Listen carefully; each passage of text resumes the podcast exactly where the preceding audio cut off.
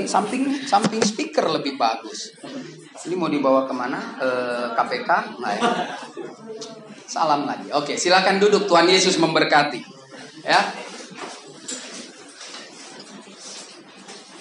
Hari ini saya dikasih judul saya kalau udah pakai bahasa Inggris agak risih karena bahasa Inggris saya nggak bagus saudara ya.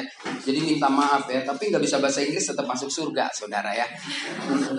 Hari ini saya diberi judul Nobody Gets Left Behind. Saya memang dikasih tuh kira-kira seminggu lalu. Emang GKI itu luar biasa kalau kasih kasih tema. Waktu saya dihubungi saya bilang lu kasih sebulan sebelumnya ya. Gue sibuk saudara. Saya sibuk banget saudara. Tiap hari khotbah sibuk gitu jadi nyiap nyiapin begini sampai jam 2 kemarin mau nggak mau. Kayaknya mau nonton lagi film itu udah nggak mungkin dah. Ya udah Roh Kudus aja ceritain. Pasti itu film cerita nggak ada yang ketinggalan. Begitu aja kan? Ya sudahlah. Mana yang ada orang tua nggak di sini? Karena waktu diundang katanya ada anak-anak sama orang tua. Mana orang tua selain ibu majelis? Yang lain cuma dua nggak apa-apa. Dua yang masuk surga. Orang tua saudara banyak doa. Doain orang tua saudara.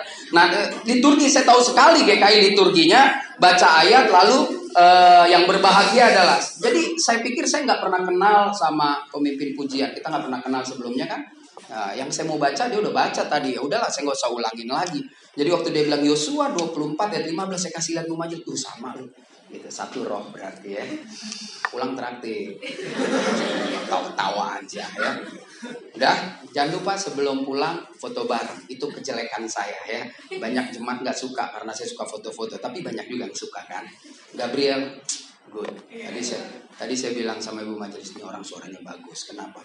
Pas-pasan aja mic-nya bagus ya enggak? Ya, ini kan sound pas-pasan. Iya ya, ya udah jangan tersinggung.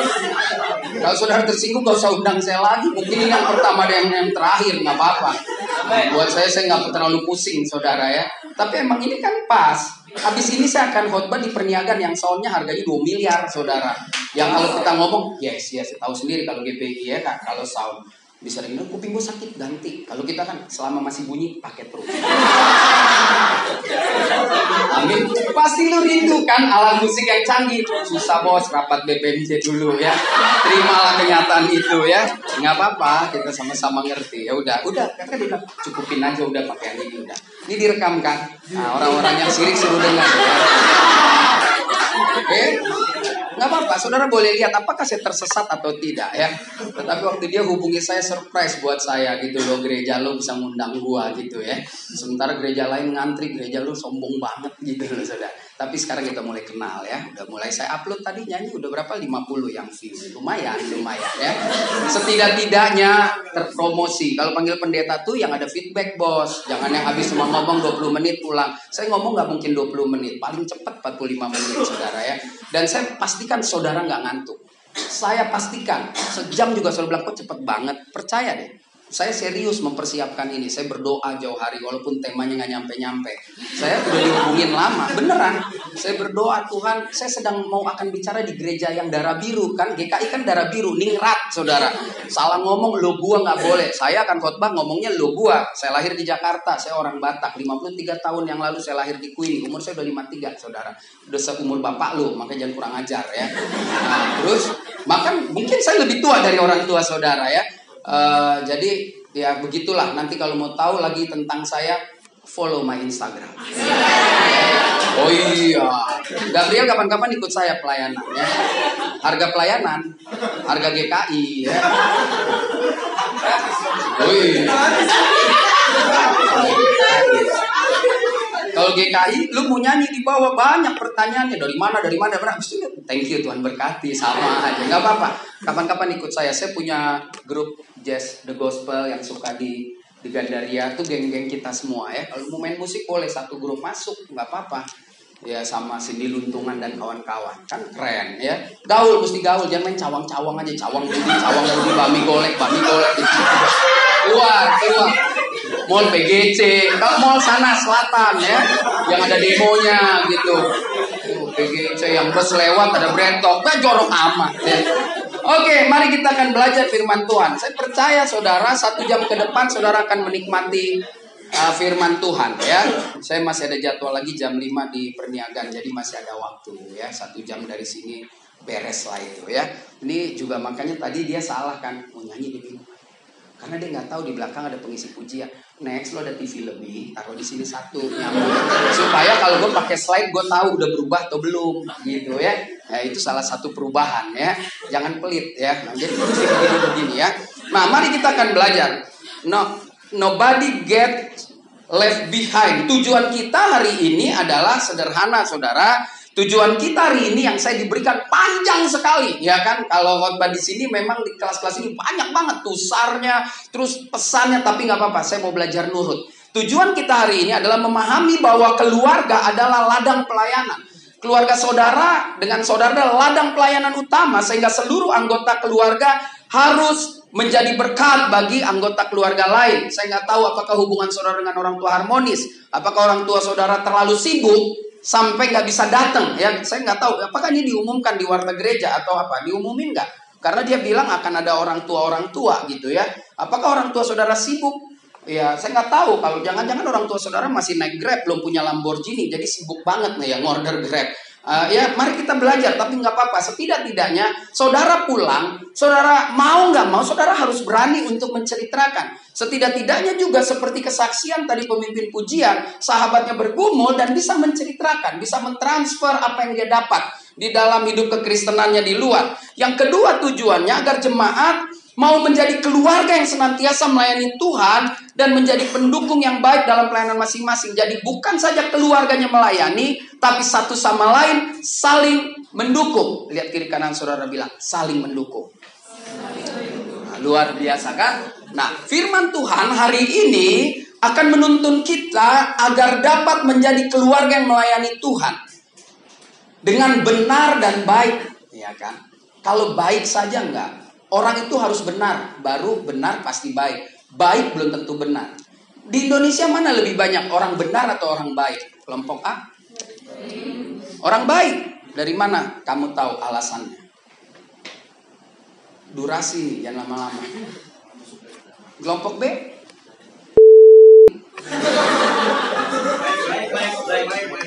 Banyak orang baik, bisa saudara buktikan banyak lebih banyak orang baik daripada orang benar? Apa?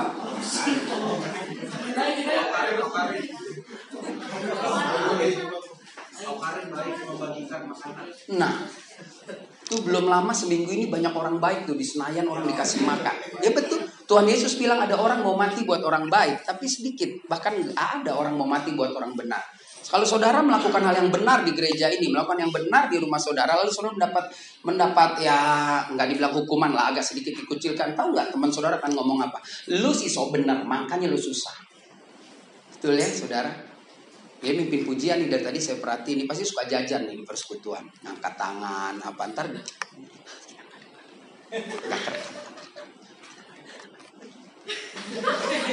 Terus dia lakukan hal yang benar menurut dia gitu.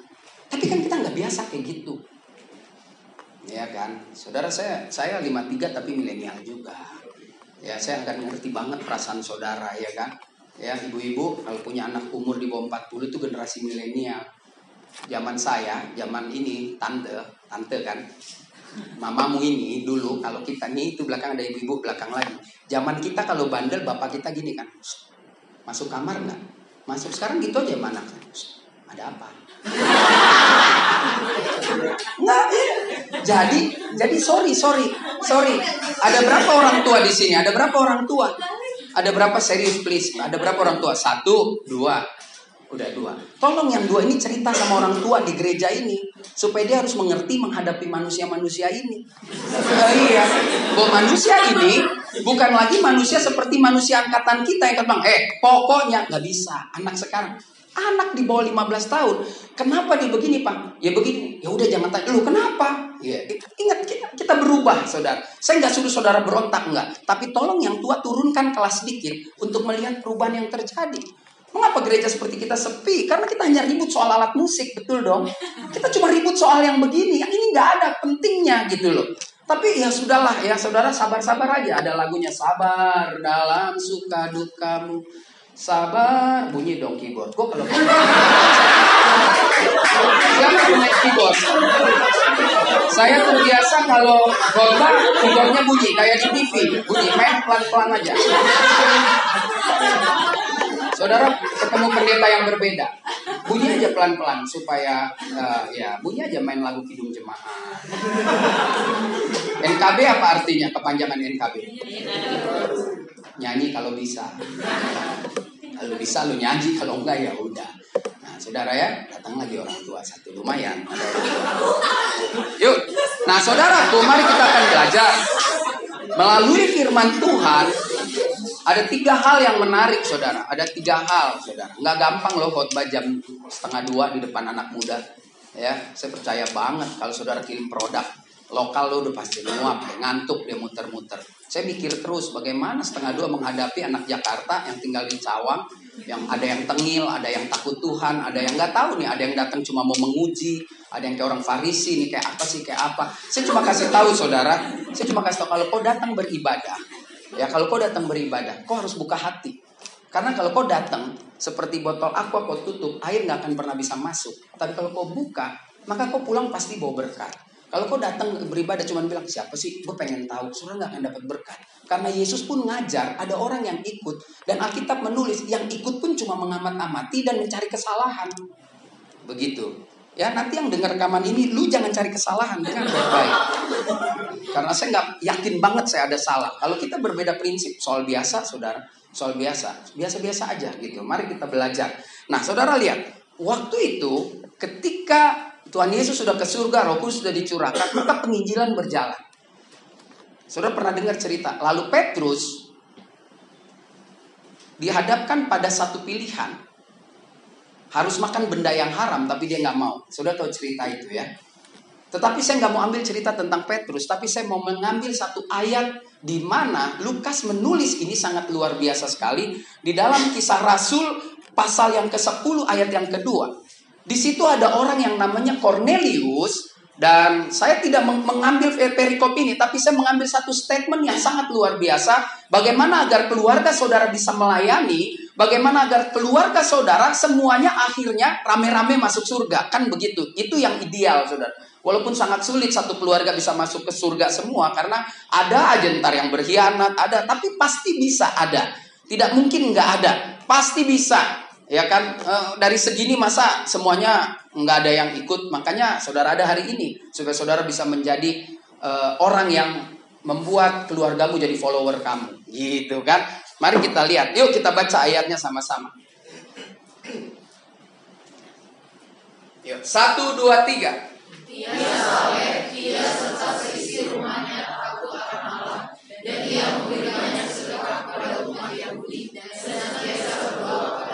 Lihat dari sini saya belajar bahwa ada komitmen melayani di dalam keluarga Cornelius. Kalau saudara baca, maka e, malaikat datang kepada Cornelius, lalu dia bilang begini, semua amalmu, semua doamu sudah didengar Tuhan. Lalu pergilah kamu ke Yope. Kalau saudara pernah ke Israel, pasti saudara pernah dibawa ke Tel Aviv di kota namanya Yope. Di situ juga ada orang namanya Simon si penyama. Ada yang udah pernah ke Israel? Belum. Bojong, cawang, bojong, cawang gitu ya. ya. Kalau saudara nanti ada berkat, saudara pergi ke sana, saudara. Nah perhatikan baik-baik. Bukan cerita itu yang saya mau ambil, tetapi tentang penjelasan bahwa Cornelius menjadi orang yang saleh, takut Tuhan, memberi banyak sedekah. Kalau satu keluarga lakukan itu, maka yang saya pelajari adalah keluarga itu tidak ada yang tertinggal. Keluarga itu adalah menjadi keluarga yang berkomitmen melayani Tuhan. Komitmen di dalam keluarga akan berjalan jika kita masing-masing mengambil peran. Saya nggak ada orang tua di sini. Sebetulnya kalau ada orang tua, saya pengen saudara duduk di samping orang tua saudara, lalu orang tua saudara menggandeng saudara dan dengar firman Tuhan. Tetapi tampak itu baru mimpi, tapi nggak apa-apa. I have a dream. Ya kan? Iya, saya punya mimpi. Bahkan I believe I can fly. Iya kan? Saudara mari lihat, yang pertama, orang yang harus berurusan dengan ini adalah orang tua. Ya, ada ayat-ayatnya. Saya akan kasih saudara uh, saya akan kasih PDF-nya. Saya sudah kirim sama ini yang menghubungi saya nanti setelah firman Tuhan di-share. Saya mungkin saya tadi bilang mau buat satu-satunya pendeta yang habis khotbah saya kasih PDF-nya. Berarti saya serius mempersiapkan ini, ya, bukan asal ngomong aja. Kalau pendeta sebetulnya bangun asal ngomong aja bisa, tapi saya serius. Perhatikan baik-baik, orang tua di dalam Efesus pasal 5 ayat 33. Saya orang tua saudara nggak datang, padahal saya mau suruh dia baca hari eh, ayat itu Tetapi karena nggak apa-apa lah, biar anak-anak dulu. Karena Alkitab juga bilang teruna-teruna muda dipakai Tuhan. Jadi jangan heran kalau saudara akan membawa ke orang tua saudara ke dalam pertobatan. Dikatakan juga di dalam keluaran 20, dikatakan dengan jelas, saya anak-anak hormati orang tuamu. Sebetulnya di dalam kekeluargaan ini, di dalam kekristenan ini, hanya ada dua hal yang menarik, orang tua dan anak. Sehingga pemazmur bilang, ajarkan kepadaku kebijaksanaan dan pengetahuan yang baik, sebab aku percaya kepada perintah-perintahmu. Perhatikan baik-baik, saudara pulang, saudara perlu renungkan ini. Kalau keluarga kita semua mau melayani Tuhan, kalau keluarga kita tidak mau ada yang tertinggal, maka suka atau tidak suka ada orang tua di tempat ini. Marilah jadi orang tua yang serius mau melayani Tuhan. Sampaikan kepada orang tua yang ini adalah sahabat-sahabat saudara juga sama orang tua. Ayo dong mulai. Saya sudah melihat banyak kehilangan. Tidak ada lagi ibadah di dalam keluarga. Mungkin oke okay, sibuk. Nggak usah ibadah lah saudara. Masa nggak bisa sih setiap hari Senin aja duduk di meja bareng sebelum saudara pergi masing-masing cari duit, kuliah dan lain sebagainya duduk untuk makan karena bagi saya tradisi orang Kristen adalah duduk satu meja sehidangan. Saya sekacau-kacaunya, saya tinggal dulu di Queenie. Papa saya sekacau-kacaunya, saya orang Batak saudara ya. Sekacau-kacaunya masih main judi dan lain sebagainya. Kacau banget gitu. Orang Batak itu tahun 60-an main joker main judi itu biasa bukan barang-barang baru gitu. Jadi kekeluargaan aja di, dijaganya dengan main judi gitu. Tetapi setiap pagi kami baca santapan harian saudara. Jadi sekacau-kacaunya orang tua kami dulu masih takut sama Tuhan tapi orang tua sekarang enggak semua sibuk papamu sibuk mamamu sibuk kamu pun juga sibuk sehingga yang penting hari Minggu kumpul di Cawang. Habis itu nggak tahu mau ngapa-ngapain. Hello, saudara perlu serius. Di situ dikatakan orang tua jangan bangkitkan amarah anak. Anak juga jangan melawan pada orang tua. Ini penting, ini serius. Keluarga yang melayani yang pertama-tama yang terlibat langsung adalah orang tua dan anak. Salam kiri kanan saudara bilang, mari kita mulai dari kita sendiri. Bilang, kan ada lagunya. Mari kita mulai dari sendiri ya. Percayalah, jadi yang pertama orang tua dan anak-anak. Jadi ibu-ibu, anak ibu yang umur 20-an ini emang tengil Bu orang Jakarta bilang. Udah banyak banget laganya. Orang Betawi bilang lagunya banyak banget. Kadang-kadang rambut cuma ada di atas, sininya kulit, semua kita juga. Kadang-kadang mau foto keluarga sampai batal melihat rambut anak berantakan, ya kan. Anting udah bukan lagi di sini, di sini, ya. Pakai celana robek-robek, saya bingung loh Ya, saya suka khotbah di gereja yang di gerejanya anak mudanya isinya aduh lah 30 lebih banyak dari ini yang robek-robek. Saya orang serius. Kalau buat saya orang ke gereja pakai jeans robek-robek, saya nggak percaya dia orang Kristen. Minta maaf ya. Saudara kalau ke gereja, saya pakai jeans robek-robek depan saya, nggak nggak laku buat saya, biasa aja. Saudara mau doa sampai nangis-nangis enggak?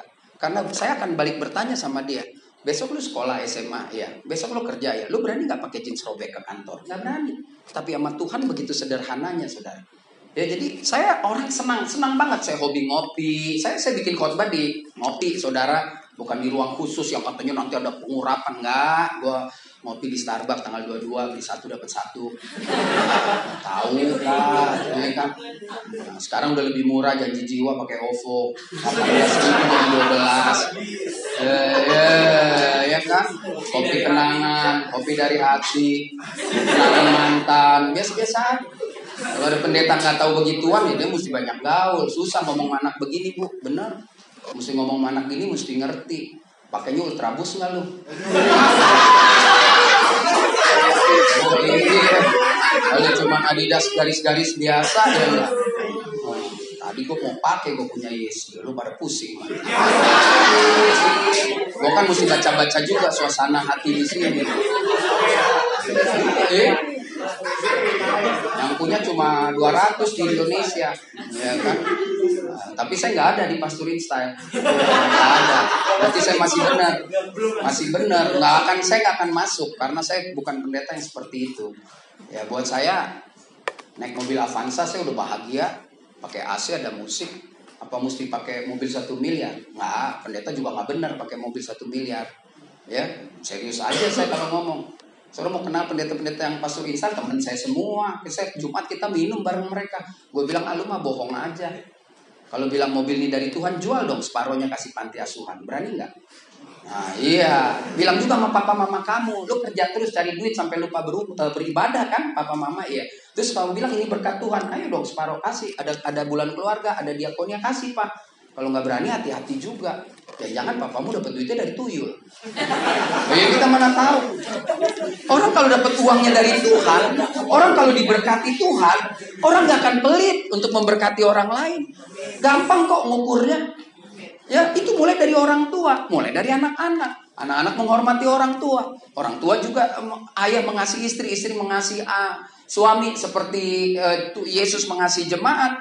Demikian juga orang tua tidak mancing amarah, anak juga tidak membuat hal yang aneh-aneh. Ingat loh, saudara hadir hari ini, saudara ini bebannya berat banget. Karena saudara bukan pemuda sembarangan. Saya nggak percaya di gereja ini pemudanya cuma segini. Betul dong, lebih dong. Tetapi saudara akan menjadi role model, saudara akan jadi jadi tontonan bagi anak muda yang hari ini tidak ibadah. Kalau kelakuanmu sama, maka dia bilang, buat apa gue ibadah hari ini gue jam 12? Kenapa? Dia juga kebaktian begitu mulutnya, aduh ilah, kalau udah ngomongin orang dari Sabang sampai Merauke, tahu nggak? Nah, capek nggak saudara? Capek. Tapi saudara harus berubah. Saudara harus membuktikan bahwa gue datang jam 12 sampai jam 2. Gue sama lo beda. Harus harus tunjukin beda. Beda, kita tetap kumpul ya. Tapi ketika lu punya ide-ide yang nggak cocok, jangan. Karena pergaulan buruk merusak kebiasaan yang baik. Itu penting, saudara. Kalau saudara cuma datang keluar sama aja, apalagi yang SMA tawuran ikut, ya, dibayar 40 ribu ke istana lagi. Wah, saya kemarin waktu di pemuda saya bilang, lu kalau ikut demo boleh. Tapi kalau lu merusak, gue nggak percaya lo orang Kristen. Saudara saya gampang mengukur orang Kristen atau enggak. Dari kelakuannya aja.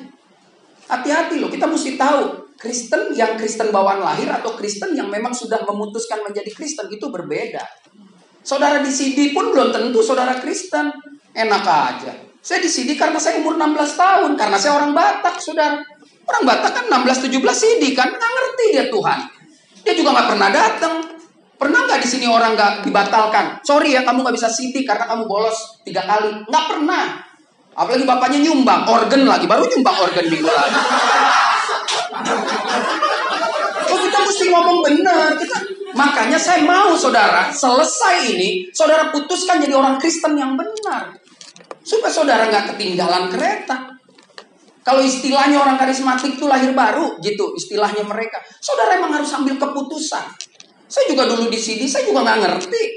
Saya ukuran saya orang Batak pulang sini kumpul di rumah, betul nggak? Keluarga kumpul, disalamin dapat duit, cuma itu. Ya ada yang Batak lu kan kan kasih duit udah nggak ngerti apa-apa. Tapi setelah saya kuliah saya mulai mengerti bahwa kekristenan itu pilihan, bukan jalur organisasi. Bagaimana saudara mau mau bilang jangan ada yang tertinggal kalau saudara bilang yang penting gue gereja, yang penting papa mama gue gereja, begini terus jalan berantem terus berubah. Kau pulang jadi berkat supaya orang tuamu melihat. Nggak sia-sia anak saya pulang jam 3 siang.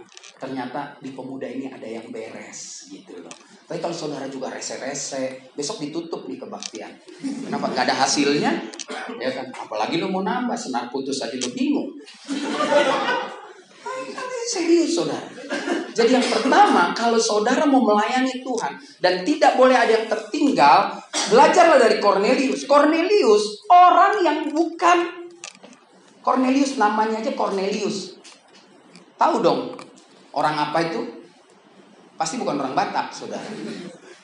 Kan pasti dia bukan orang Israel, saudara. Tapi dia bisa melayani Tuhan dengan keluarga.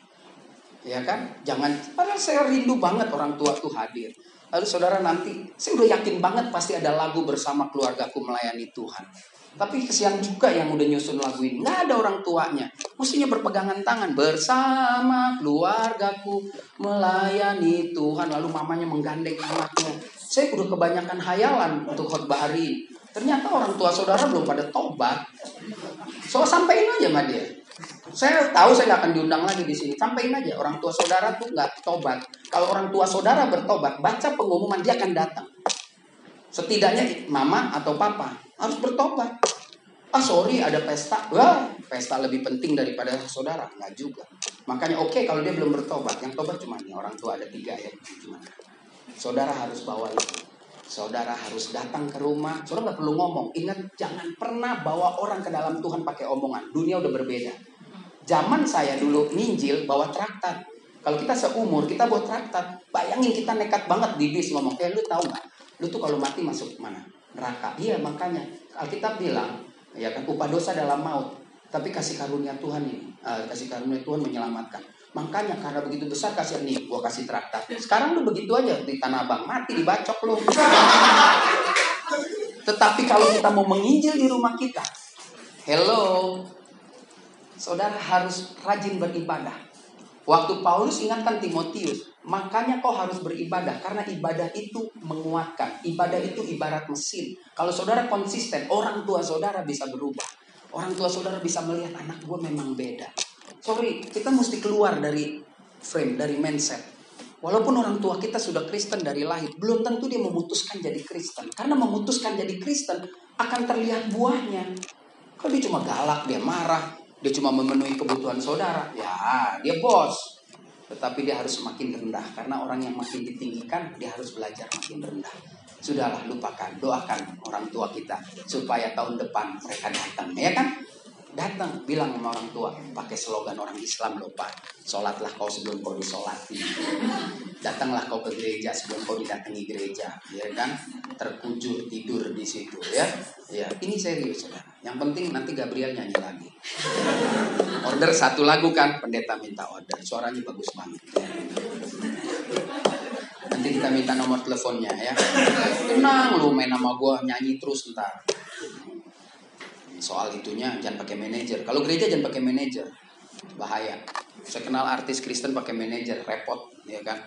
Mau pelayanan aja. Oke, ini sudah deal, deal ya. Yang kedua, saudara, mari kita lihat ayat yang tadi dibaca oleh pemimpin pujian kita. Yuk kita baca. Ini kok nggak jalan nih buatan Cina ya? Iya bener dipencet lari-lari gue pencet mana keluarnya mana hurufnya apa, keluarnya apa. Iya. Yuk kita baca Mazmur 199 ayat 66. Ayo mari kita baca Mazmur 199 ayat 66. 1 2 3.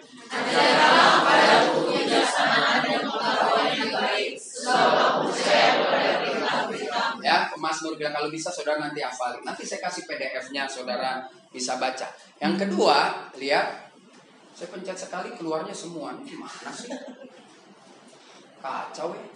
Yuk kita baca Yosua pasal 24 ayat 15. 1 2 3. Tetapi jika kamu anggap tidak baik untuk beribadah pada Tuhan, Pilihlah pada hari ini kepada siapa kamu akan beribadah. Allah yang kepadanya kamu beribadah di seberang sungai Efrat, atau Allah orang Amori yang negerinya kamu diami ini. Tetapi aku dan seisi rumahku, kami akan beribadah kepada Tuhan. Perhatikan baik-baik, ini akan menggoncang saudara. Nah, yang dengar rekaman, saya pasti akan dikritik terserah.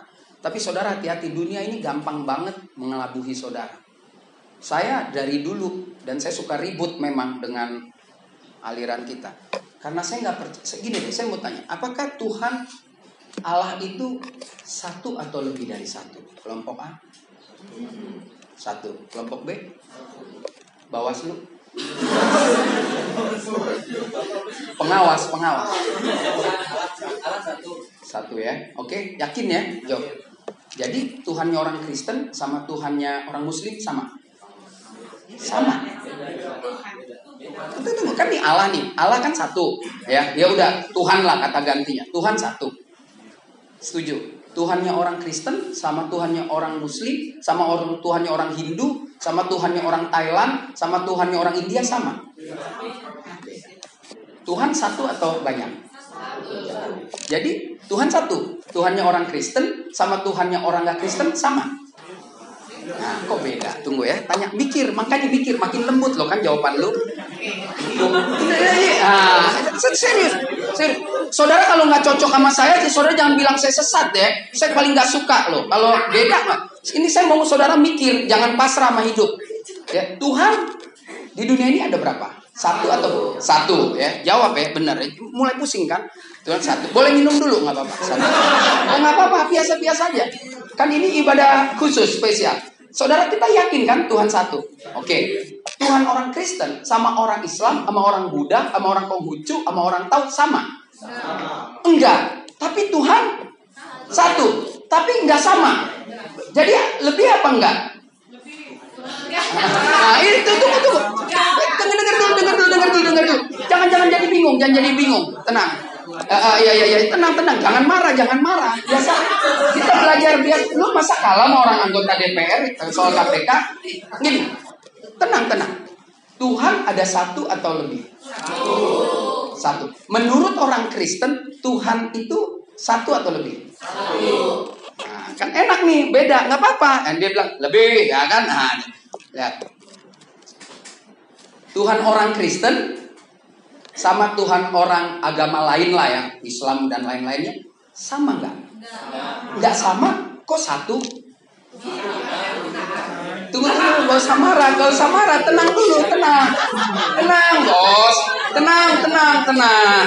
Belum pernah ketemu khotbah yang begini kan, tenang. Biasa kan cuma ngomong 20 menit, saudara, amin. Ya, pulang lah, jadilah berkat, ngawur. Ya, ini pulang, ini sedikit, sersen.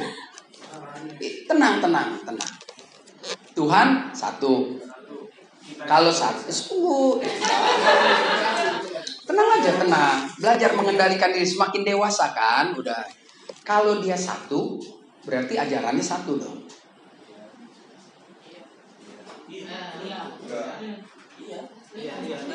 GKI, GKI Cawang ada lima apa ada satu? Ada satu, makanya ajarannya satu kan. Kalau ada buka cabang lagi GKI, ajarannya tetap sama dong. Nggak boleh dong ada GKI Cawang, buka pos, GKI Kelapa Gading, ajarannya lain. Itu berarti bukan GKI. Tuhan orang Kristen sama Tuhannya orang gak Kristen sama? Nah, kan udah mulai pecah kongsi. Iya ya. Nah, beda ya kan? Kalau beda berarti nggak satu dong. Nah, gimana gimana cerita? Tenang tenang tenang. Tenang belajar tenang. Schooling down tenang ya. Tenang ya. Supaya saudara mesti tahu mesti tahu ini Ya, hari ini ada pengajaran namanya udah lama, New Age New Age Movement. Lu nggak perlu Tuhan, lu perlu baik aja. Lu menikah sama gua kagak penting. Orang nggak Kristen akan bilang, Tuhan lu sama gua sama, cuma caranya aja beda. Makanya orang Kristen kawin meninggalkan Tuhan. Kok caranya beda? Langsung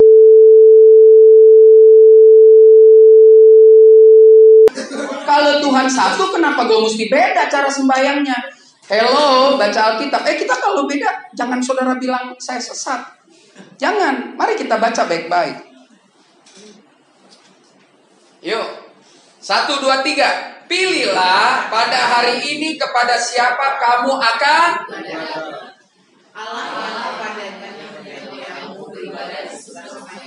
di seberang sungai Efrat ada huruf kecil. Iya, iya, tenang aja.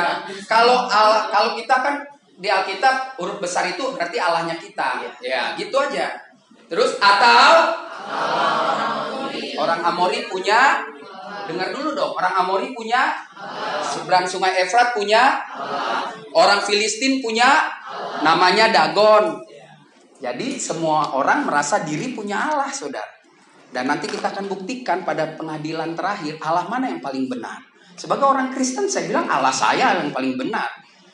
Dunia akan mengelabui saudara dengan mengatakan Allah itu sama.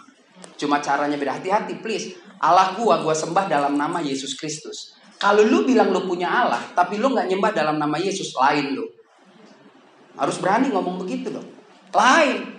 Orang bisa nyembah Tuhan kok pohon aja dianggap Tuhan. Suruh pergi ke Jepang, orang Jepang Tuhannya 8 juta, namanya Panjuta, teman saya bilang.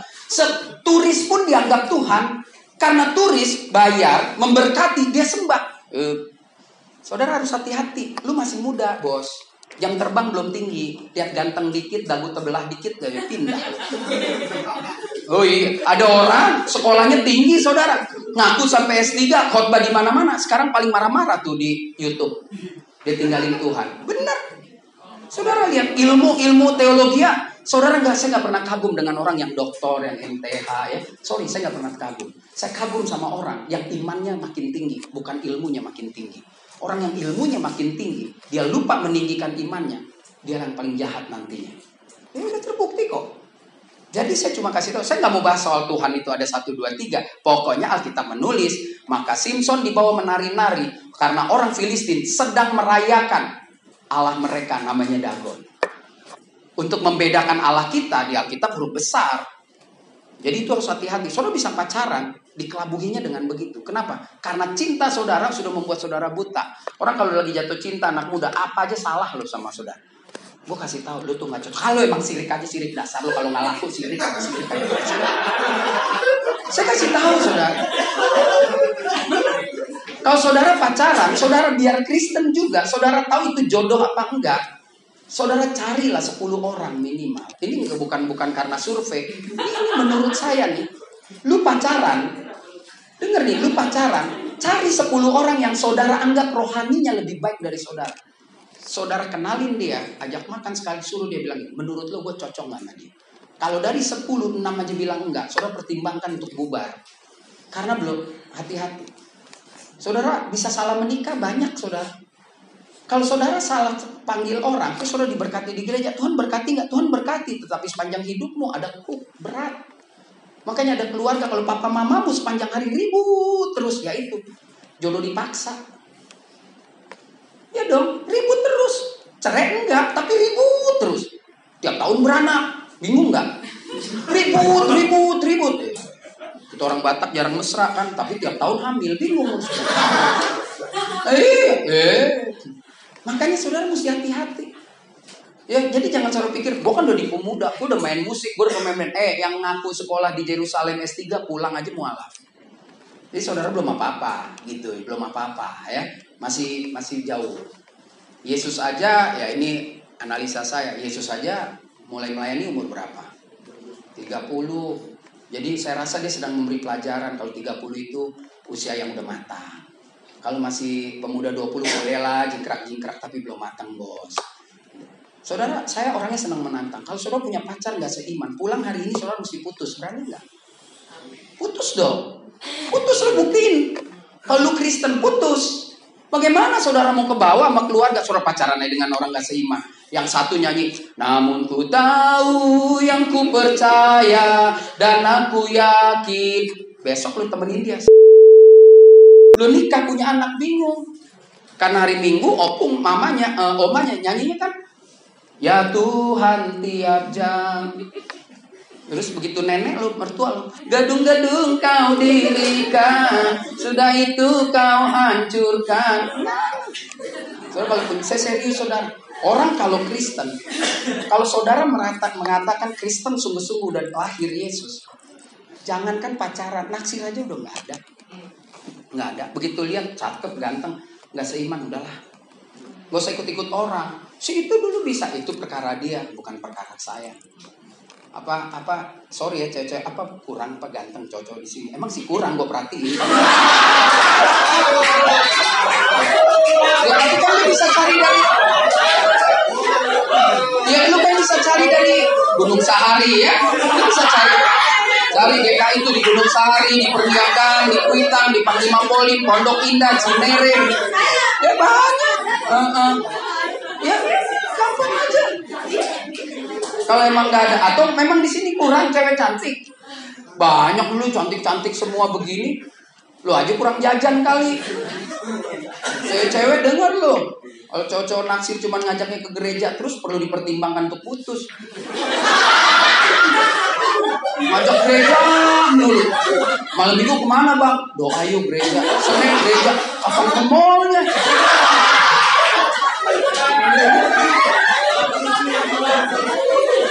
Hey, pokoknya ini pelajarannya. Yosua bilang aku dan seisi rumahku memilih menyembah Tuhan yang membawa dia keluar dari tanah Mesir. Itu Tuhannya, itu Tuhan kita satu-satunya. Saya nggak mau tahu Tuhan yang lain. Kalau ajarannya beda sama Kristen, dia Tuhan yang nggak jelas. Gue nggak tahu lah. Gitu. Saya sangat serius soal ini. Nggak mau saya dibilang sama Tuhan satu. Nggak mau saya. Nggak bisa lain. Lu kawin bisa lima kali, gue cuma sekali. Kalau Tuhannya sama, gue protes dong nanti.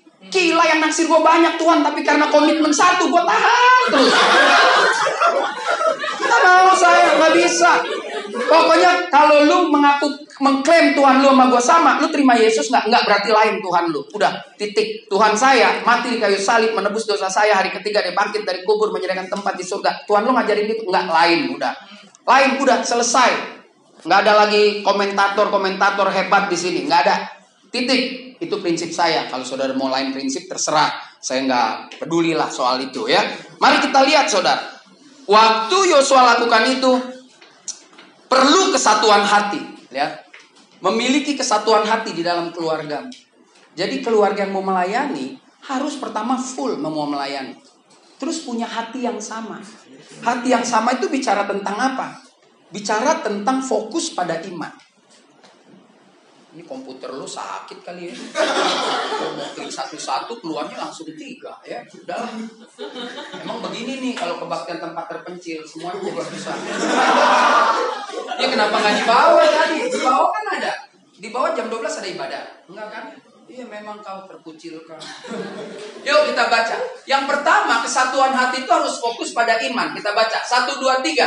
Sebab dalamnya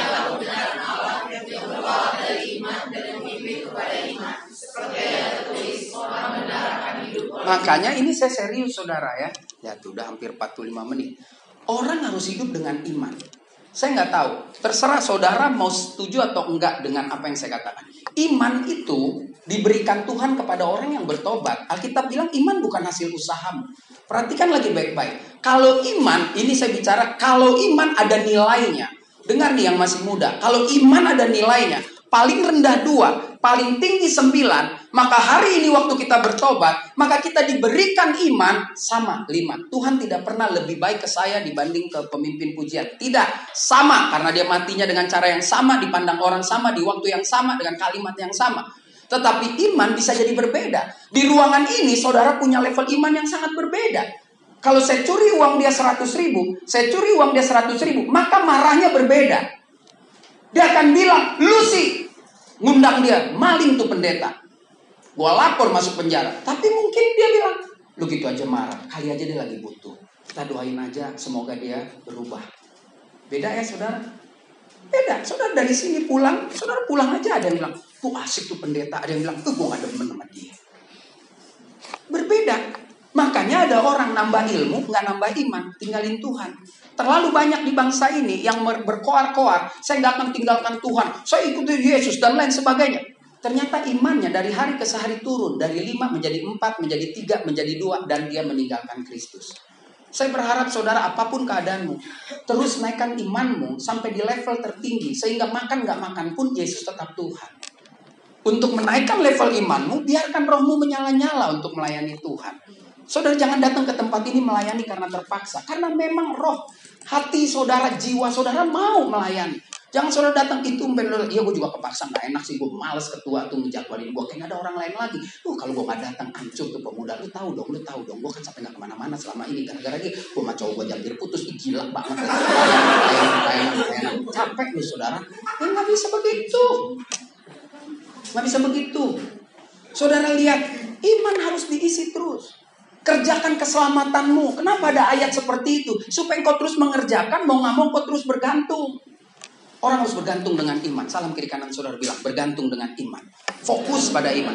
Yang kedua, mari kita lihat 1 Yohanes 3 ayat 3. Iman lalu butuh pengharapan, saudara. Mari kita lihat.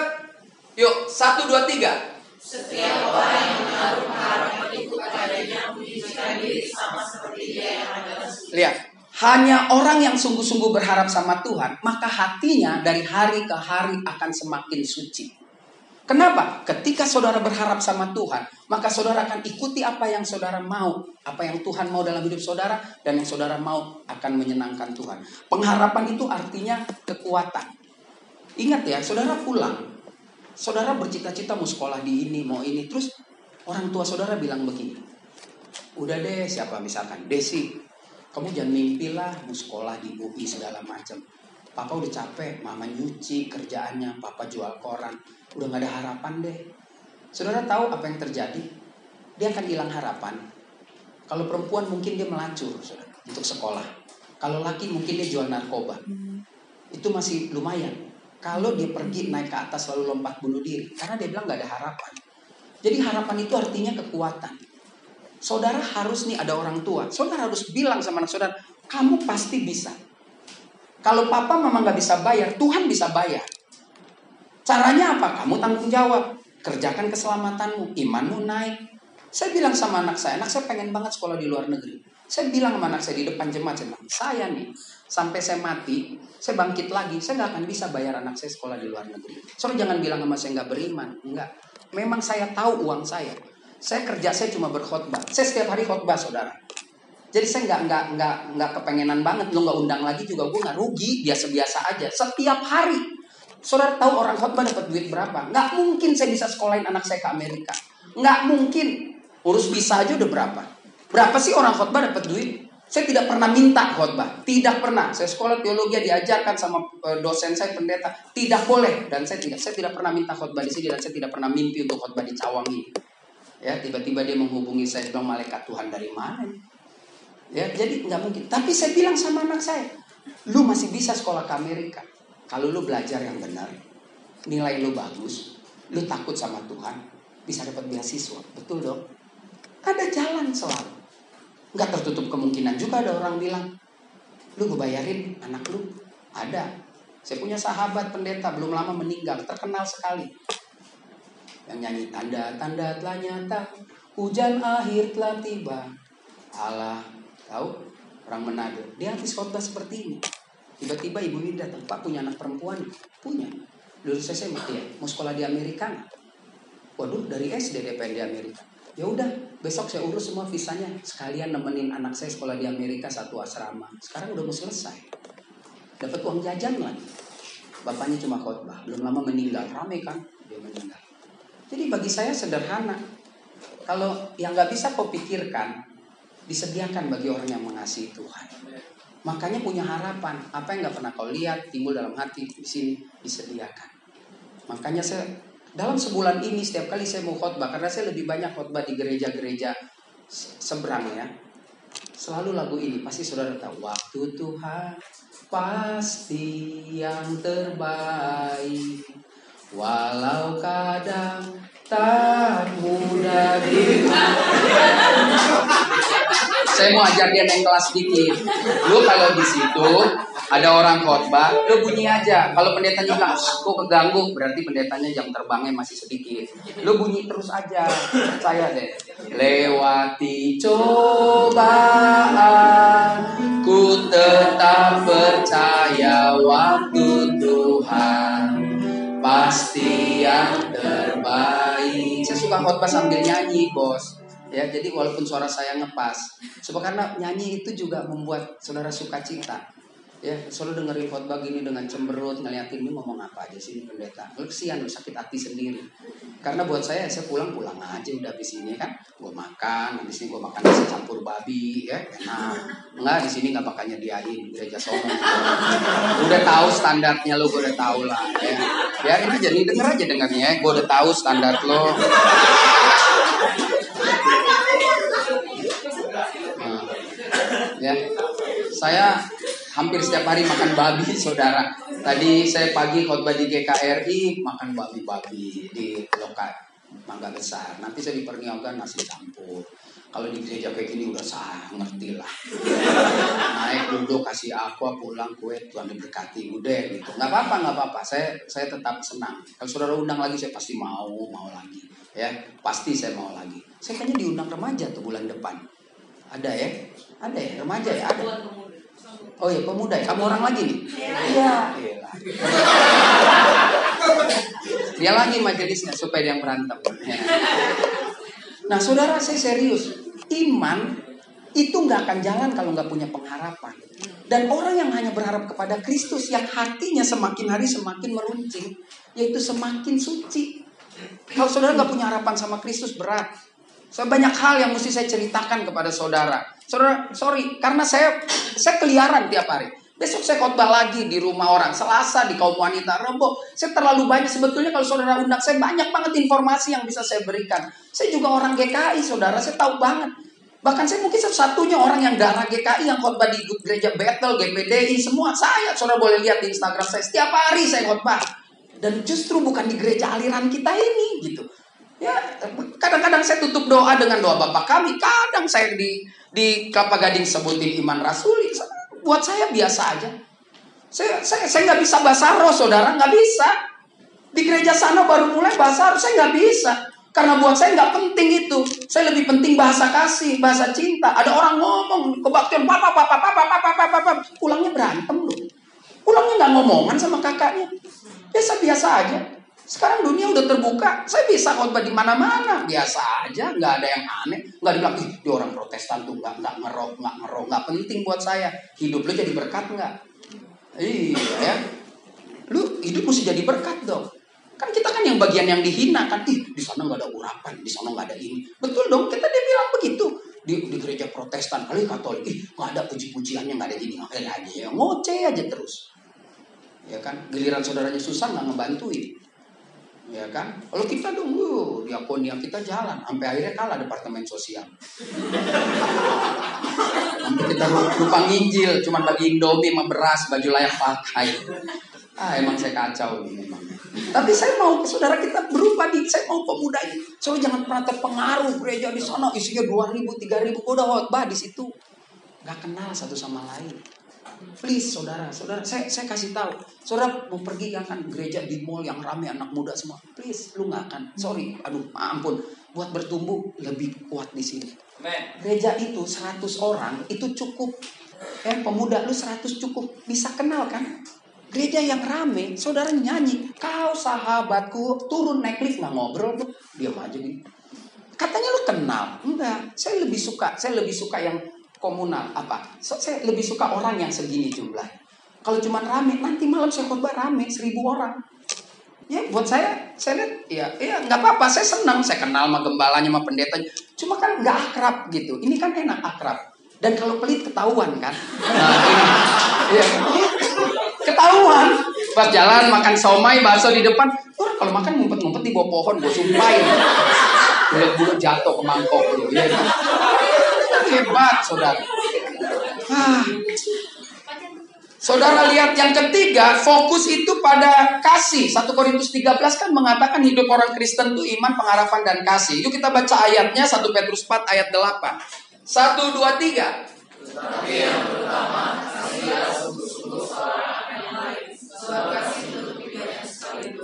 Lihat ya, udah pelit, udah susah, kasihnya nggak ada. Saudara, kalau saudara mau melayani di rumah, kuncinya kan sederhana tadi. Keluarganya total mau melayani Tuhan seperti Cornelius. Yang kedua, sama seperti Yosua. Yosua itu hebat. Dia tidak pernah paksa orang. You mau pilih Allah di seberang sungai Efrat, terserah. You mau pilih Allahnya orang Amori, terserah. Pokoknya, gua sama keluarga gua menyembah Tuhan yang membawa gue keluar dari Mesir. Titik. Jadi bebas saudara. Dia suka paksa-paksa orang. Dan bagi saya saudara pulang, saudara mesti juga bisa mengklaim dari cara hidupmu kepada papa mamamu bahwa saya akan selalu menyembah Tuhan yang saya kenal dalam nama Yesus Kristus yang mengajarkan ABCD tahu sendiri. Kalau di sini ada orang tua, saudara juga harus katakan kepada anak saudara, Yesus harga mati. Saudara jangan pernah menghakimi pendeta atau aktivis yang anaknya meninggalkan Tuhan kalau dia sudah mengajari Tuhan. Kan ada pendeta anaknya tinggalin Tuhan. Terus kita bilang pendeta-pendeta anaknya tinggalin Yesus. Dasar pendeta nggak tahu diri atau Jangan saudara. Kalau pendeta itu sudah mengajari, saudara udah diajari gereja. Lalu ketika saudara menjadi dewasa, itu pilihan saudara. Jadi jangan pernah salahin orang tua. Tapi kalau orang tuanya kecil judi, judi, kawin lagi judi, ya anaknya ngaur, ya udah itu nggak usah diomongin. Memang dari biangnya aja udah rusak, sudah. Tapi kalau saudara ini kan dididik di dalam Tuhan, di dalam Tuhan, tiap minggu, tiap minggu. Terus saudara tinggalin Tuhan, ya mau ngomong apa kita? Karena hidup ini adalah pilihan. Saya juga paling sedih aja. Lalu dia undang saya lagi, saya tanya, pemimpin pujian mana? Ya gitulah Pak. Nggak ke mana, udah dua tahun gue lihat dia nggak ada. Ya udah pakai kerudung pak, ya udah mau ngomong apa gue. Tapi jangan dong, kalau saudara sudah tahu Tuhan yang kita sembah di dalam Yesus itu beda sama yang di sana, maka saudara jangan pernah jual Tuhan saudara. Ya saya kasih tahu kalau pacar saudara nggak seiman, saudara mesti berani ambil keputusan. Lebih baik sakit sekarang daripada sakit besok. Ya kan? Lagunya umur berapa sih saudara? 22 aja pakai luka. Luka apa? Belum ngerti pacaran, emosi. Begitu putus nyanyinya lain. Kidung Jemaat 1600. Luka, luka, luka yang kurasa. D I N T A. Kenapa kamu nggak pacaran? Ya gitulah pak, saya dianggap rendahan. Nyanyinya, "Eh, coba kau lihat dirimu dahulu sebelum kau nilai kurangnya diriku.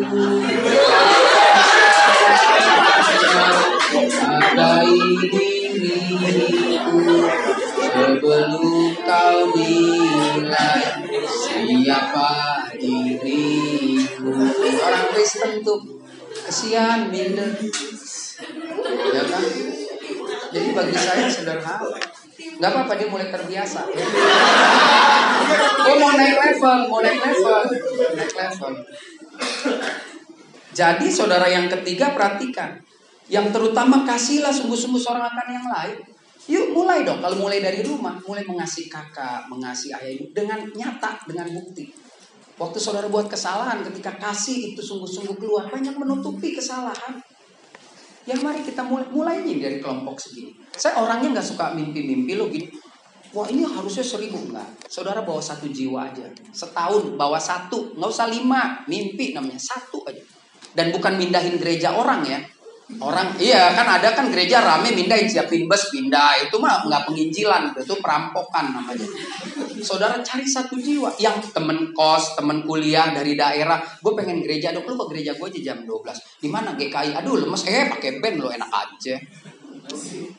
Kan kesian kan kita dibilang lemes, begitu bilang pakai band baru semangat. Jadi fokusnya selalu ke sini. Ya nggak apa-apa, untuk pintu gerbang nggak apa-apa saudara. Ya kan? Tapi begitu masuk mana pemuda ih keren-keren begitu di dalam or organ genjot.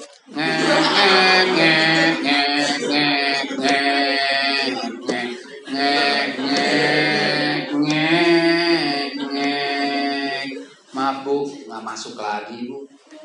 Nenek, mari kita persilakan petugas peti mati. Mas, ada orang mati. Ya, mari kita fokus pada kasih. Jadi ada dua hal yang menarik. Ternyata agar kita nggak ketinggalan, agar keluarga kita serius mau melayani. Saudara yang pertama-tama, keluarga kita harus punya komitmen mau melayani dulu. Papa mama punya komitmen.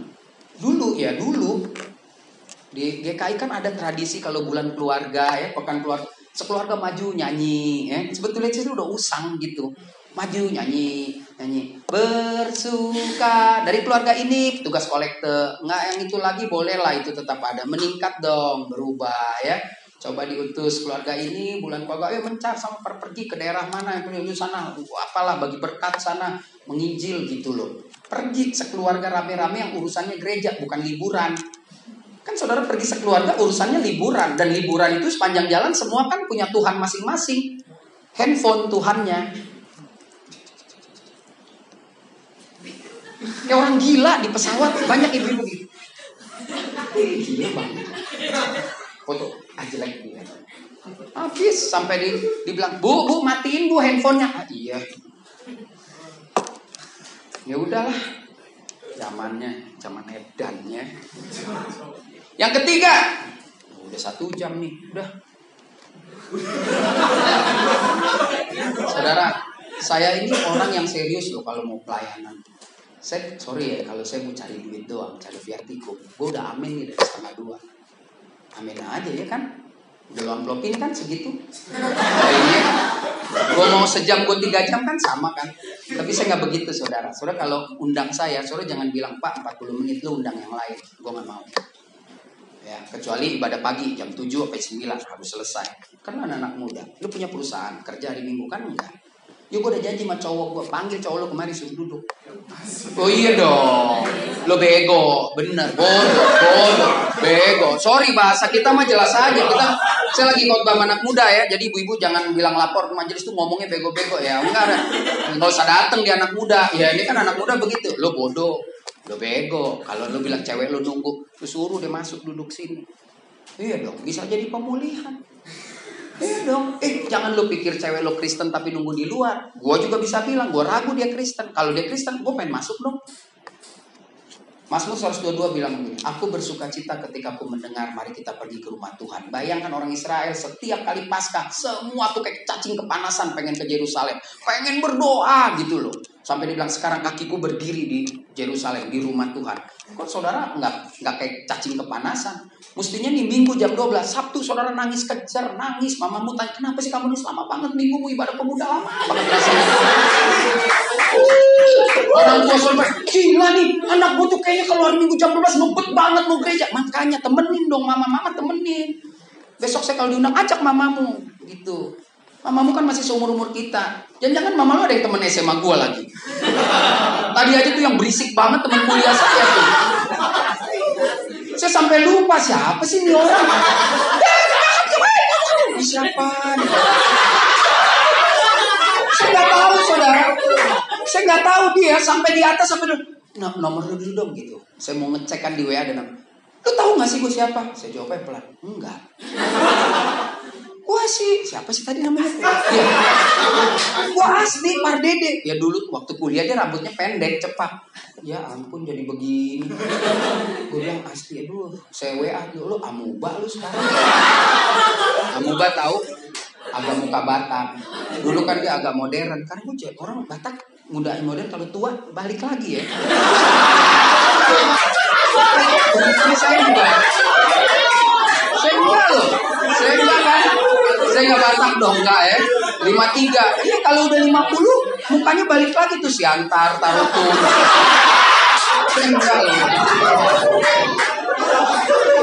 Coba lihat mama kamu atau papa kamu yang Batak. Perhatiin aja lihat dandanannya mulai balik-balik lagi.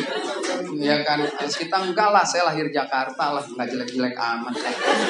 Ya kan? Nah, saudaraku lihat dua hal yang menarik. Keluarga mau melayani, tetapi juga keluarga kita harus punya satu hati, ada kesehatian. Bukan berarti mesti sama-sama enggak, tapi satu hati tahu Tuhan yang dilayani itu siapa. Ingat ya, yang dilayani bukan organisasi, Tuhan. Ingat loh, Tuhan. Kalau organisasi, saudara bisa kecewa. Saudara jangan pernah favorit sama pendeta, sama aku gue seneng deh penatua. Jangan. Saudara harus favoritnya sama Tuhan Yesus. Karena pendeta juga bisa jatuh. Tapi nggak boleh bilang pendeta juga manusia. Saya pendeta berani bilang itu. Saudara sama saya beda. Saudara sama saya beda. Pasti. Jadi kalau ada pendeta jatuh, dengar baik-baik. Eh dengar nih. Kalau ada pendeta jatuh. Ya ini dengerin aja ke seluruh gereja ini. Kalau ada pendeta jatuh. Perempuan, duit. Jangan kasih mimbar sama dia. Serius. Saudara nggak boleh kompromi dengan dia. Namanya kan kita nggak boleh. Kalau sekarang boleh, zaman lu ntar jadi majelis nggak boleh. Jadi kapan? Sekolahin lagi. Maksudnya masuk kandang dulu loh, setahun dua tahun. Ah, yang bener. Saudara jangan mau dipengaruhi oleh setan yang bilang pendeta kan juga manusia. No, lain. Saudara masih lain. Gue datang aja dapat kopi, lu enggak. Serius, gue datang gue punya parkir yang dicariin orang, lu enggak. Kita ibadah rumah tangga, pulang gue bisa bawa bungkusan makanan, lu enggak. Gue pulang nanti dapat duit, lu kagak. Berarti gue lain dan harus sikap hidup gue lain sama lu. Kalau mau jadi pendeta, dia harus lain gaya hidupnya dengan manusia biasa. Nggak bisa. Benar dia mata Tuhan sama. Tapi di mata manusia lu menilainya beda. Jadi kalau ada pendeta, ada penatua, masih main joker, main judi, pukul istri, hati-hati saya kasih tahu. Jangan pernah dia ngomong di sini. Saya masih percaya yang namanya spirit, roh bisa tertransfer kepada saudara. Itu penting saudara. Ini penting. Ini statement saya berani bertanggung jawab, berdebat sama siapa pun. Kalau dia jatuh, boleh dia melayani lagi, tapi tunggu waktunya Tuhan. Diam, masuk kamar lu, doa lu, nangis lu, baca Alkitab. Jangan bilang, ya udahlah Pak, Bapak juga pernah salah. Lu lain. Lu pendeta lain. Saya lain, Saudara. Saya nanti saya datang ke gereja semua orang salam saya. Eh, Pak Pendeta Lain dong. Terus saya kurang ngajar hidup, nggak boleh. Nggak boleh ya. Ingat itu, ingat itu beda. Kalau saudara nanti mau sekolah teologi harus jadi pendeta, saudara lain.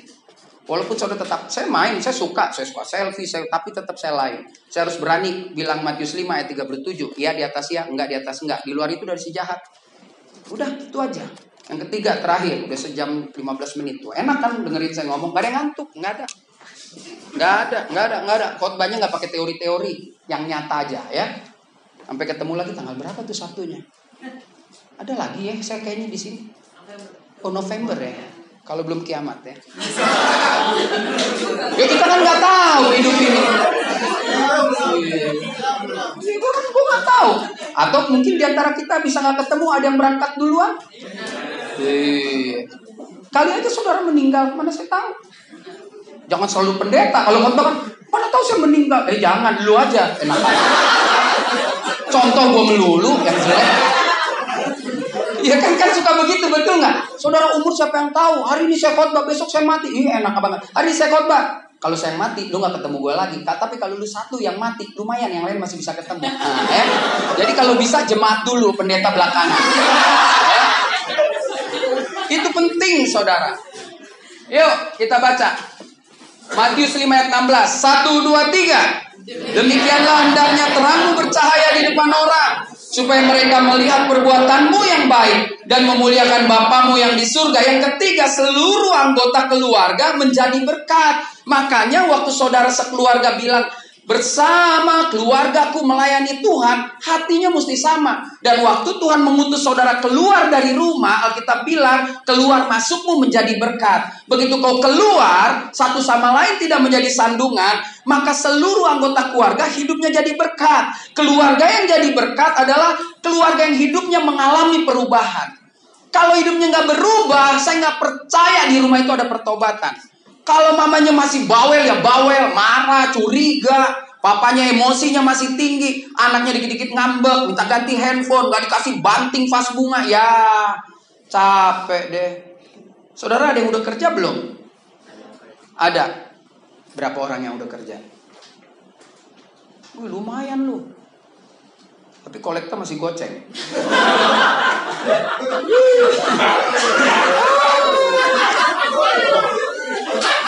Makanya lo susah beli keyboard baru. Ya kan? Mau gereja aja tadi bela-belain tuh beli somai, bela-bela padahal dia lagi udah, udah kenyang, udah nggak lapar, bela-belain beli somai tiga ribu, lima ribu gitu, supaya kembali ada pecahan. Bang, gocengan kembalian nih buat kolektor. Ya, tekor deh bandar. Nyiapin kopi, makanan ya. Saudara kalau udah kerja ya, maaf nih, maaf nih. Kalau udah kerja kasih kolektor 50 ribu biasa lagi di Jakarta. Ya, saya ajarin anak saya aja segitu kasih kolektor. Bapaknya kerjanya cuma ngoceh doang. Jadi khotbah. Duitnya lu udah pasti tiap bulan gajian gua enggak. Berani saudara, udah kerja 50 kali 4 200 ribu kasih Tuhan. Tuhan kasih saudara jutaan. Terus apa yang saudara bilang? Eh gua kan nggak nggak bisa. Yang nganggur aja hidup, lu kerja masa jadi kurang? Hati-hati loh. Ketika kita mulai menikmati berkat Tuhan, kok kita jadi pelit? Ya, Tuhan itu nggak pernah ambil semua loh yang Tuhan kasih. Punya komitmen aja, gue kerja, gue kasih 50 ribu, apa sih artinya? Lu minum Starbucks aja 42 ribu. Ya enggak dong, 4 tanggal 25 kan upsize. Ya nggak apa-apa lah, gue nggak mau Ya kalau mau beli, gue nggak penting lah, ya kan? Tapi kan saudara serius. Ya, belajar, belajar berani, belajar berani memberi. Di gereja kayak kita kan anti ngomongin kolektor. Nah, gue kan orang luar, gue ngomongin, lu mesti berani. Selalu kerja diberkati Tuhan, kan rumah Tuhan berkati. Ya, serius. Kalau di kita kan mungkin di umum ngomong minta duit aja muternya lama ya, mau minta duit buat tangga muter-muter uh, dalam rangka pembangunan rumah Tuhan untuk keluarga, siahaan, terima kasih, kelamaan gitu. Saya tipe pendeta nggak usah lama-lama. Lu mau beli keyboard baru, lu jangan tungguin gereja kelamaan. Lu patungan aja kalau punya. Lu beli, udah selesai. Lu diberkati Tuhan gitu. Ya tapi ini drum gue kurang gini gini gini. Iya, ya, udah nggak cocok di tahun. Beli patungan yang kerja. Ada berkat, ada berkat Tuhan. Ya saya kalau yang itu saya belajar dari gereja tetangga. Luar biasa kalau itu ya. Luar biasa. Udah nggak main sama yang mahal gini es krim begini udah nggak main. Ya, es berapa tuh? Es es sembilan berapa mau nggak main ya kan ya? Yang gede-gede gitu. Saya sih nggak ngerti lagi waktu gampang aja. Ada bilang jemaat pak yang beliin luar biasa. Kemarin keyboard gue diram dicolok diculik di gereja. Ada yang nyuri keyboard. Nggak sampai tiga hari ada yang kirim yang baru. Kok bisa begitu ya mereka? Kalau kita enggak loh berat. Berat di kostum tuh berian uh, kebaya wih kolektor ceban ya sejak muda ya yang kerja jangan pelit. Serius hidup harus mengalami perubahan. Yuk kita baca saudara ya. Yuk, iya iya sebentar lagi. Batuknya itu batuk kelaman. Saya tahu kalau batu koda, kalau biasa itu emang kalau udah. Hidup harus mengalami perubahan. Yuk baca satu dua tiga.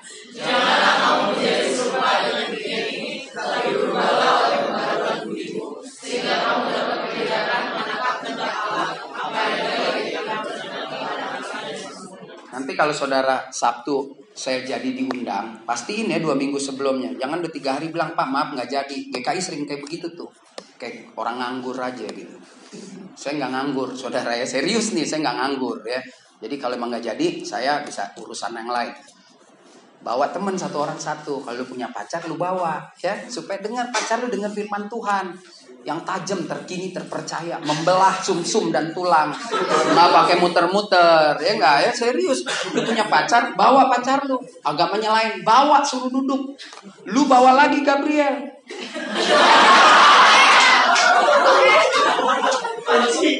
Dari sekarang, dari sekarang ngomongnya. Ntar dia sibuk weekend kan, wedding ada wedding, dia nyanyi. Ya kalau dia wedding kasihlah lebih gede duitnya lah. Saya juga kalau bawa artis saya ngomong lu kalau kosong ayo, kalau enggak emang lu kerja di situ betul ya. Yuk kerja nyanyi, kita nggak boleh juga. Kadang-kadang kita panggil dia, panggil dia, emang dia ke sini nggak pakai ongkos, dia kehilangan job, ganti dong. Tapi kan sekarang lagi nggak ada job, apa yang mau diganti, ya kan? Lagi kosong kan hari Minggu, Tuhan Yesus baik. Tepuk tangan dong buat Gabriel. Paulus tulis kitab ini di Roma. Bentar lagi ya, habis poin ini udah tenang. Belum pernah dengar khotbah satu jam setengah. Hari ini lo baru lihat ketemu pendeta satu jam setengah ngoceh terus dan lu nggak ngantuk. Ternyata bukan teori, kasih surat.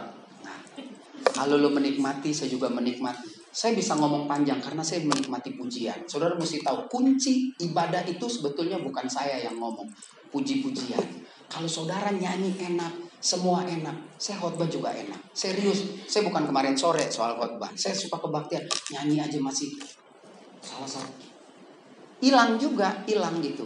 Bukan sayanya hilang, saya mah orangnya happy aja. Mungkin juga yang di sorga males ngobrol. Jadinya saya juga nggak tahu mesti ngobrol apa gitu kan.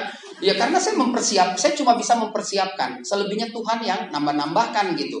Jadi emang itu serius dipersiapkan. Jangan lagi kelas GKI Tempo dulu nyanyian. Eh, WL masih nggak suka ribut loh. Lagi nyanyi ya ada ya gitu. Dia nggak sadar dilihat orang gitu. Jangan ya. Tadi nyanyi mantap, luar biasa untuk kelas GKI sih udah luar biasa tadi tuh saudara. Luar biasa. Luar biasa. Luar biasa lihat Paulus bilang begini kepada jemaat di Roma. Ini penutup dua ayat terakhir. Orang di Roma itu orang pinter-pinter saudara. Orang yang bayangkan Indonesia nggak tahu 2000 tahun lalu ada apa enggak tapi mereka udah punya parlemen mereka sudah punya demokrasi udah luar biasa. Lalu mereka bertobat jadi orang Kristen. Perhatikan begitu menjadi orang Kristen maka tantangan ada. Dan Paulus bilang begini eh lebih baik engkau tetap jadi orang Kristen tetapi hidupmu berubah. Cepat. Cepat foto aja cepat.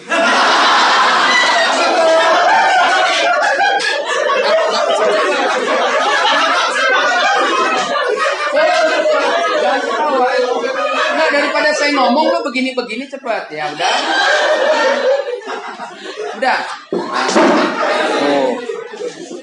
Oh, enggak enggak apa-apa. Ini juga Oh, masuk. Kan tahun 2019 masih ada mimbar tarik tarik turun tarik turun. Kan di Jakarta, Bos, di Jakarta. Kecuali saya lagi khotbah di tulang bawang gitu kan. Mimbarnya bisa ditarik turun. Ada lagi dulu saya khotbah di sana tuh Pondok Cabe Batako loh, Batako ini. Begitu saya lagi ngomong, saudara certak patah. Saudara satu hal, kalau engkau mau melayani Tuhan dengan sungguh-sungguh, maka alamilah perubahan itu. Orang yang mau berubah, firman Tuhan jelas bilang begini. Berubah itu adalah keputusan. Kalau saudara nggak berani, ada kata berani yang selalu saya pakai, saudara nggak akan pernah bisa berubah. Untuk berubah itu dibutuhkan nyali. Kalau saudara terus berada di zona nyaman, saudara nggak akan pernah berubah. Benar, saudara jadi aktivis pemuda sampai tua, sampai menikah punya anak, tapi belum tentu berubah. Makanya Paulus bilang, berubah lewat pembaruan budimu. Orang nggak perlu Kristen, tahu kok nyuri itu dosa. Orang nggak perlu punya agama, tahu kok kalau mengingini punya orang lain dosa. Ada hukum moral yang Tuhan berikan kepada Adam dan Hawa. Dulu Adam dan Hawa gak ada agama, saudara. Yang ada Tuhan menghembuskan nafasnya. Jadi semua orang punya modal baik sebenarnya. Yang membedakan orang Kristen ketika ada Kristus, maka modalnya tentu berbeda. Dan Alkitab menulis Roma 8:37, kenapa kita berbeda? Karena kita dibilang lebih daripada pemenang. Orang di luar Kristus bisa menang, tetapi kita lebih. Orang di luar Kristus bisa kerja berhasil, kita lebih. Kita berhasil di bumi, berhasil juga di surga. Yang kedua, Jelas saudara mari kita lihat di dalam Filipi pasal 3 13 14 terakhir terakhir ini terakhir. Dok lo pulang aja naik angkot. Terakhir, terakhir. 46, 46. Kampung Melayu, Kampung Melayu, kaki duluan, Mbak. Kiri, kaki kiri, kaki kiri. Yuk, satu, dua, tiga. Saudara-saudaraku, aku sendiri tidak menganggap bahwa aku telah menangkapnya. Tapi ini yang kulakukan, aku melupakan apa yang telah di belakangku dan mengarah diri kepada apa yang di depanku. Dan berlari-lari kepada tujuanku memperoleh Dua hal ya. Paulus bilang kalau kau serius mau jadi berkat berubah lewat pembaruan budi. Yang kedua, Paulus ini saudara orang yang sungguh-sungguh berani. Pasti pernah tahu Paulus itu punya surat resmi dari MUI untuk bunuh orang Kristen. Yang di Tanah Abang nggak punya loh. Tapi Paulus legal MUI Majelis Ulama Israel bukan Indonesia sama kan disingkat MUI tetapi dalam perjalanan saudara tahu dia dihampiri Kristus dan dia berani berubah. Saudara kalau hari ini atau kemarin Kristus menghampirimu, saudara harus berani. Makanya saya selalu bilang, kalau pacar lo nggak seiman, lu berani nggak putus? Udah jangan lu muter-muter, lu makin jatuh ke kubangan. Lu jatuh, nggak bisa bangkit lagi, terjerat dalam lautan luka dalam. Pacar lo nggak seiman, dan lu nggak akan pernah tahu arah jalan pulang. Kalau nggak tahu jalan pulang, tanya polsek dianterin. Saudara perhatikan baik-baik. Paulus mengambil keputusan. Tidak pernah ada orang yang bertobat karena inisiatif sendiri. Bertobat itu karena Tuhan. Tapi nggak mau itu karena saudara. Buktinya tidak pernah ada di Alkitab bilang orang mencari Tuhan. Tetapi manusia pertama di dunia yang jatuh ke dalam dosa, Tuhan cari dia. Adam, Adam, di mana lu Adam? Terus Adam, lu kok ngumpet kata Tuhan. Kok lu malu? Saudara lihat, Tuhan selalu ambil inisiatif. Persoalannya mau nggak? Makanya ada bagian lain dikatakan kamu adalah kawan sekerja. Tuhan juga nggak bisa bikin saudara tobat semua. Kalau gitu kita baterai dong. Kita cuma boneka. Enggak, kita punya free will, punya kebebasan. Pulang dari sini saudara pindah tinggalin Yesus nggak ada persoalan.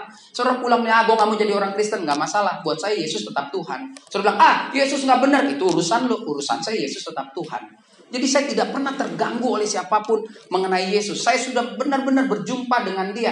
Hati saya udah nggak bisa. Kalau orang lihat salib katanya ada jin kafir, saya sederhana.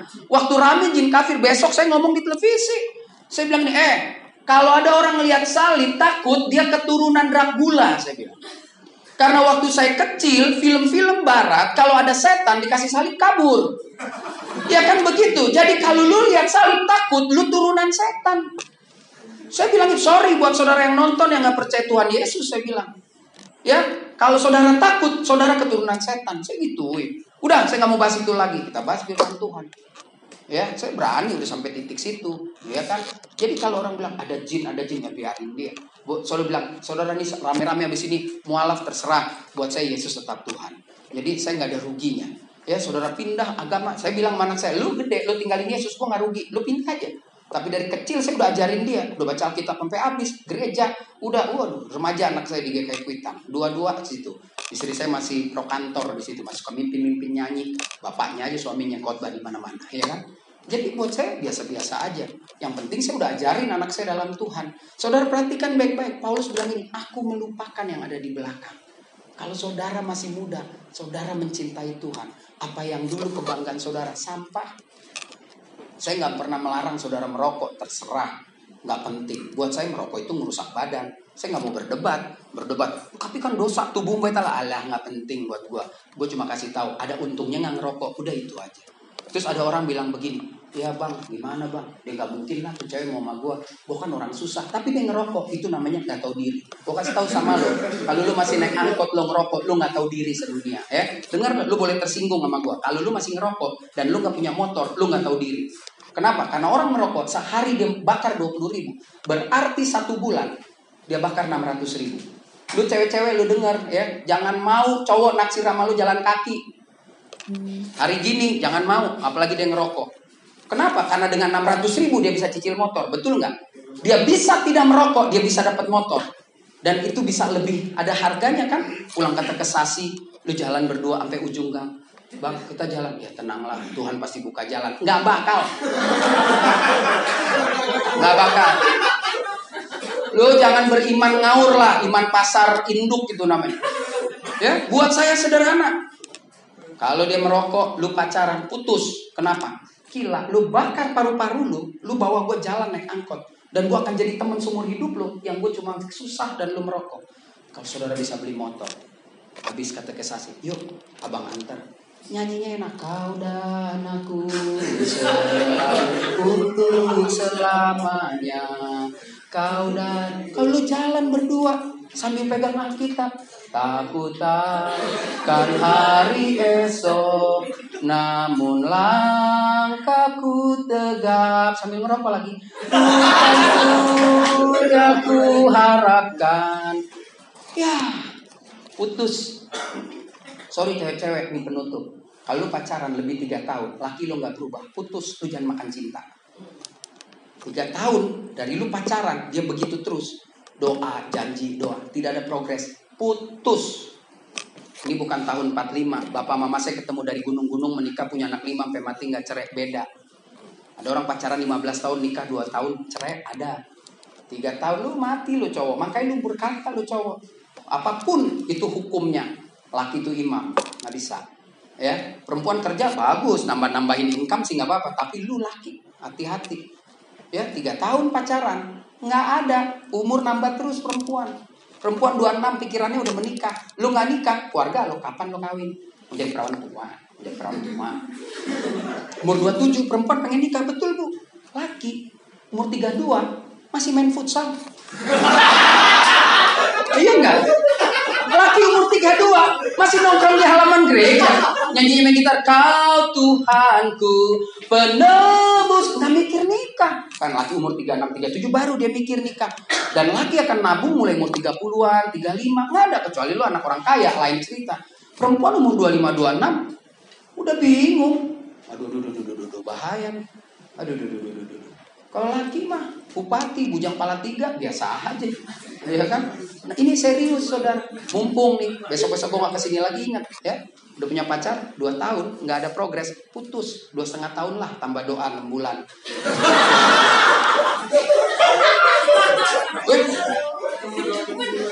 Biaya hidup tinggi loh saudara, biaya hidup tinggi, jangan main-main. Biaya hidup tinggi, nggak ada progres. Walaupun dia nggak kaya, tapi saudara lihat dia berjuang ya, itu boleh lu harga ini enggak. Ya udahlah deh, pasrahlah Tuhan pasti buka jalan. Nggak ada itu lagu. Ku tahu Tuhan pasti buka sampai rumah jalan, sampai rumah. Ya, ingat loh cowok-cowok, lu mesti belajar tanggung jawab. Itu penting, saudara. Penting. Bukan soal banyaknya uang yang saudara dapat, tapi ketika ada responsibility, perempuan juga merasa Nah, makanya dibikin dari rusuk supaya coba kalau dia dari kaki diinjak. Ingat kalau saudara cowok kalau pacaran aja dia marah-marah bilang bang ini kayak malam minggu terakhir deh putus kenapa? Gue baca Alkitab ada yang dibuat dari tanah kayaknya lo tanah sengketa.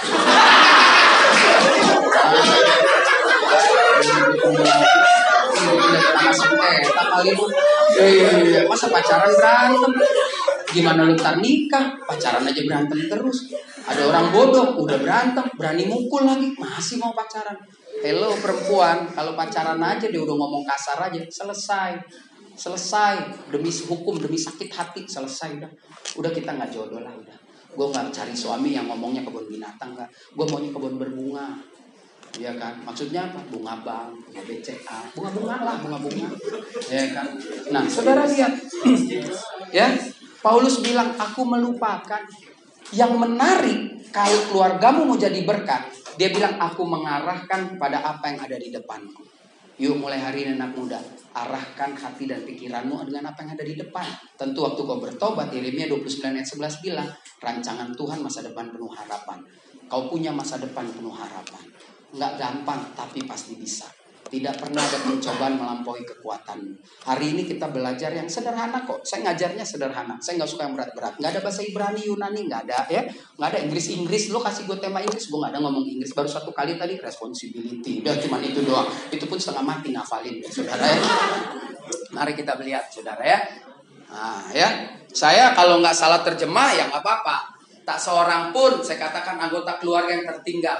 Jika kita memiliki. Yuk kita baca. Satu. Dua. Tiga. Uh, luar biasa saudara. Waduh, setengah tiga. Mesti pulang ya. Saya berdiri terus loh. Hebat kan? Kuat kan saya? Lu udah minum tuh. Gue belum. Gue bingung. Jadi apa bedanya? Nggak ada kan? Tetap semangat. Saya percaya ketika keluarga saudara menjadi keluarga yang sungguh-sungguh mau melayani Tuhan. Ini tukang foto nggak profesional banget. Lo lari, lo maju dari jauh aja lo cek cek cek cek cek cek gitu. Kalau mau foto nanti yang resmi. Di mobil gua ada jas tuh. Ya. ya, komitmen melayani di dalam keluarga. Ada kesatuan hati dalam melayani. Ada anggota keluarga yang selalu menjadi berkat. Itulah yang harus saudara dan saya miliki. Tuhan Yesus memberkati. Mari kita berdoa. Terima kasih Bapak di dalam surga. Kau baik, sungguh baik, amat baik, luar biasa baik pada kami. Kami sudah membicarakan kebenaran firman Tuhan di waktu yang singkat. Bahasa yang sangat sederhana. Biarlah kami mau buka hati karena ketika kami buka hati yang singkat akan membuat itu panjang seumur hidup kami. Yang sederhana akan memperkaya kami. Hamba berhenti berbicara tapi hamba percaya firman Tuhan yang sudah mereka dengar akan tertancap, tertanam di hati mereka dan akan mengerjakannya. Dan waktu mereka mengerjakannya, maka firman itu akan menghasilkan buah. Karena firman Tuhan berkata, setiap firman yang ditabur tidak akan pernah kembali dengan sia-sia. Terima kasih Bapak. Ini syukur dan doa kami. Semua kami naikkan hanya di dalam nama Tuhan Yesus, Tuhan dan Juru Selamat kami yang hidup. Amin.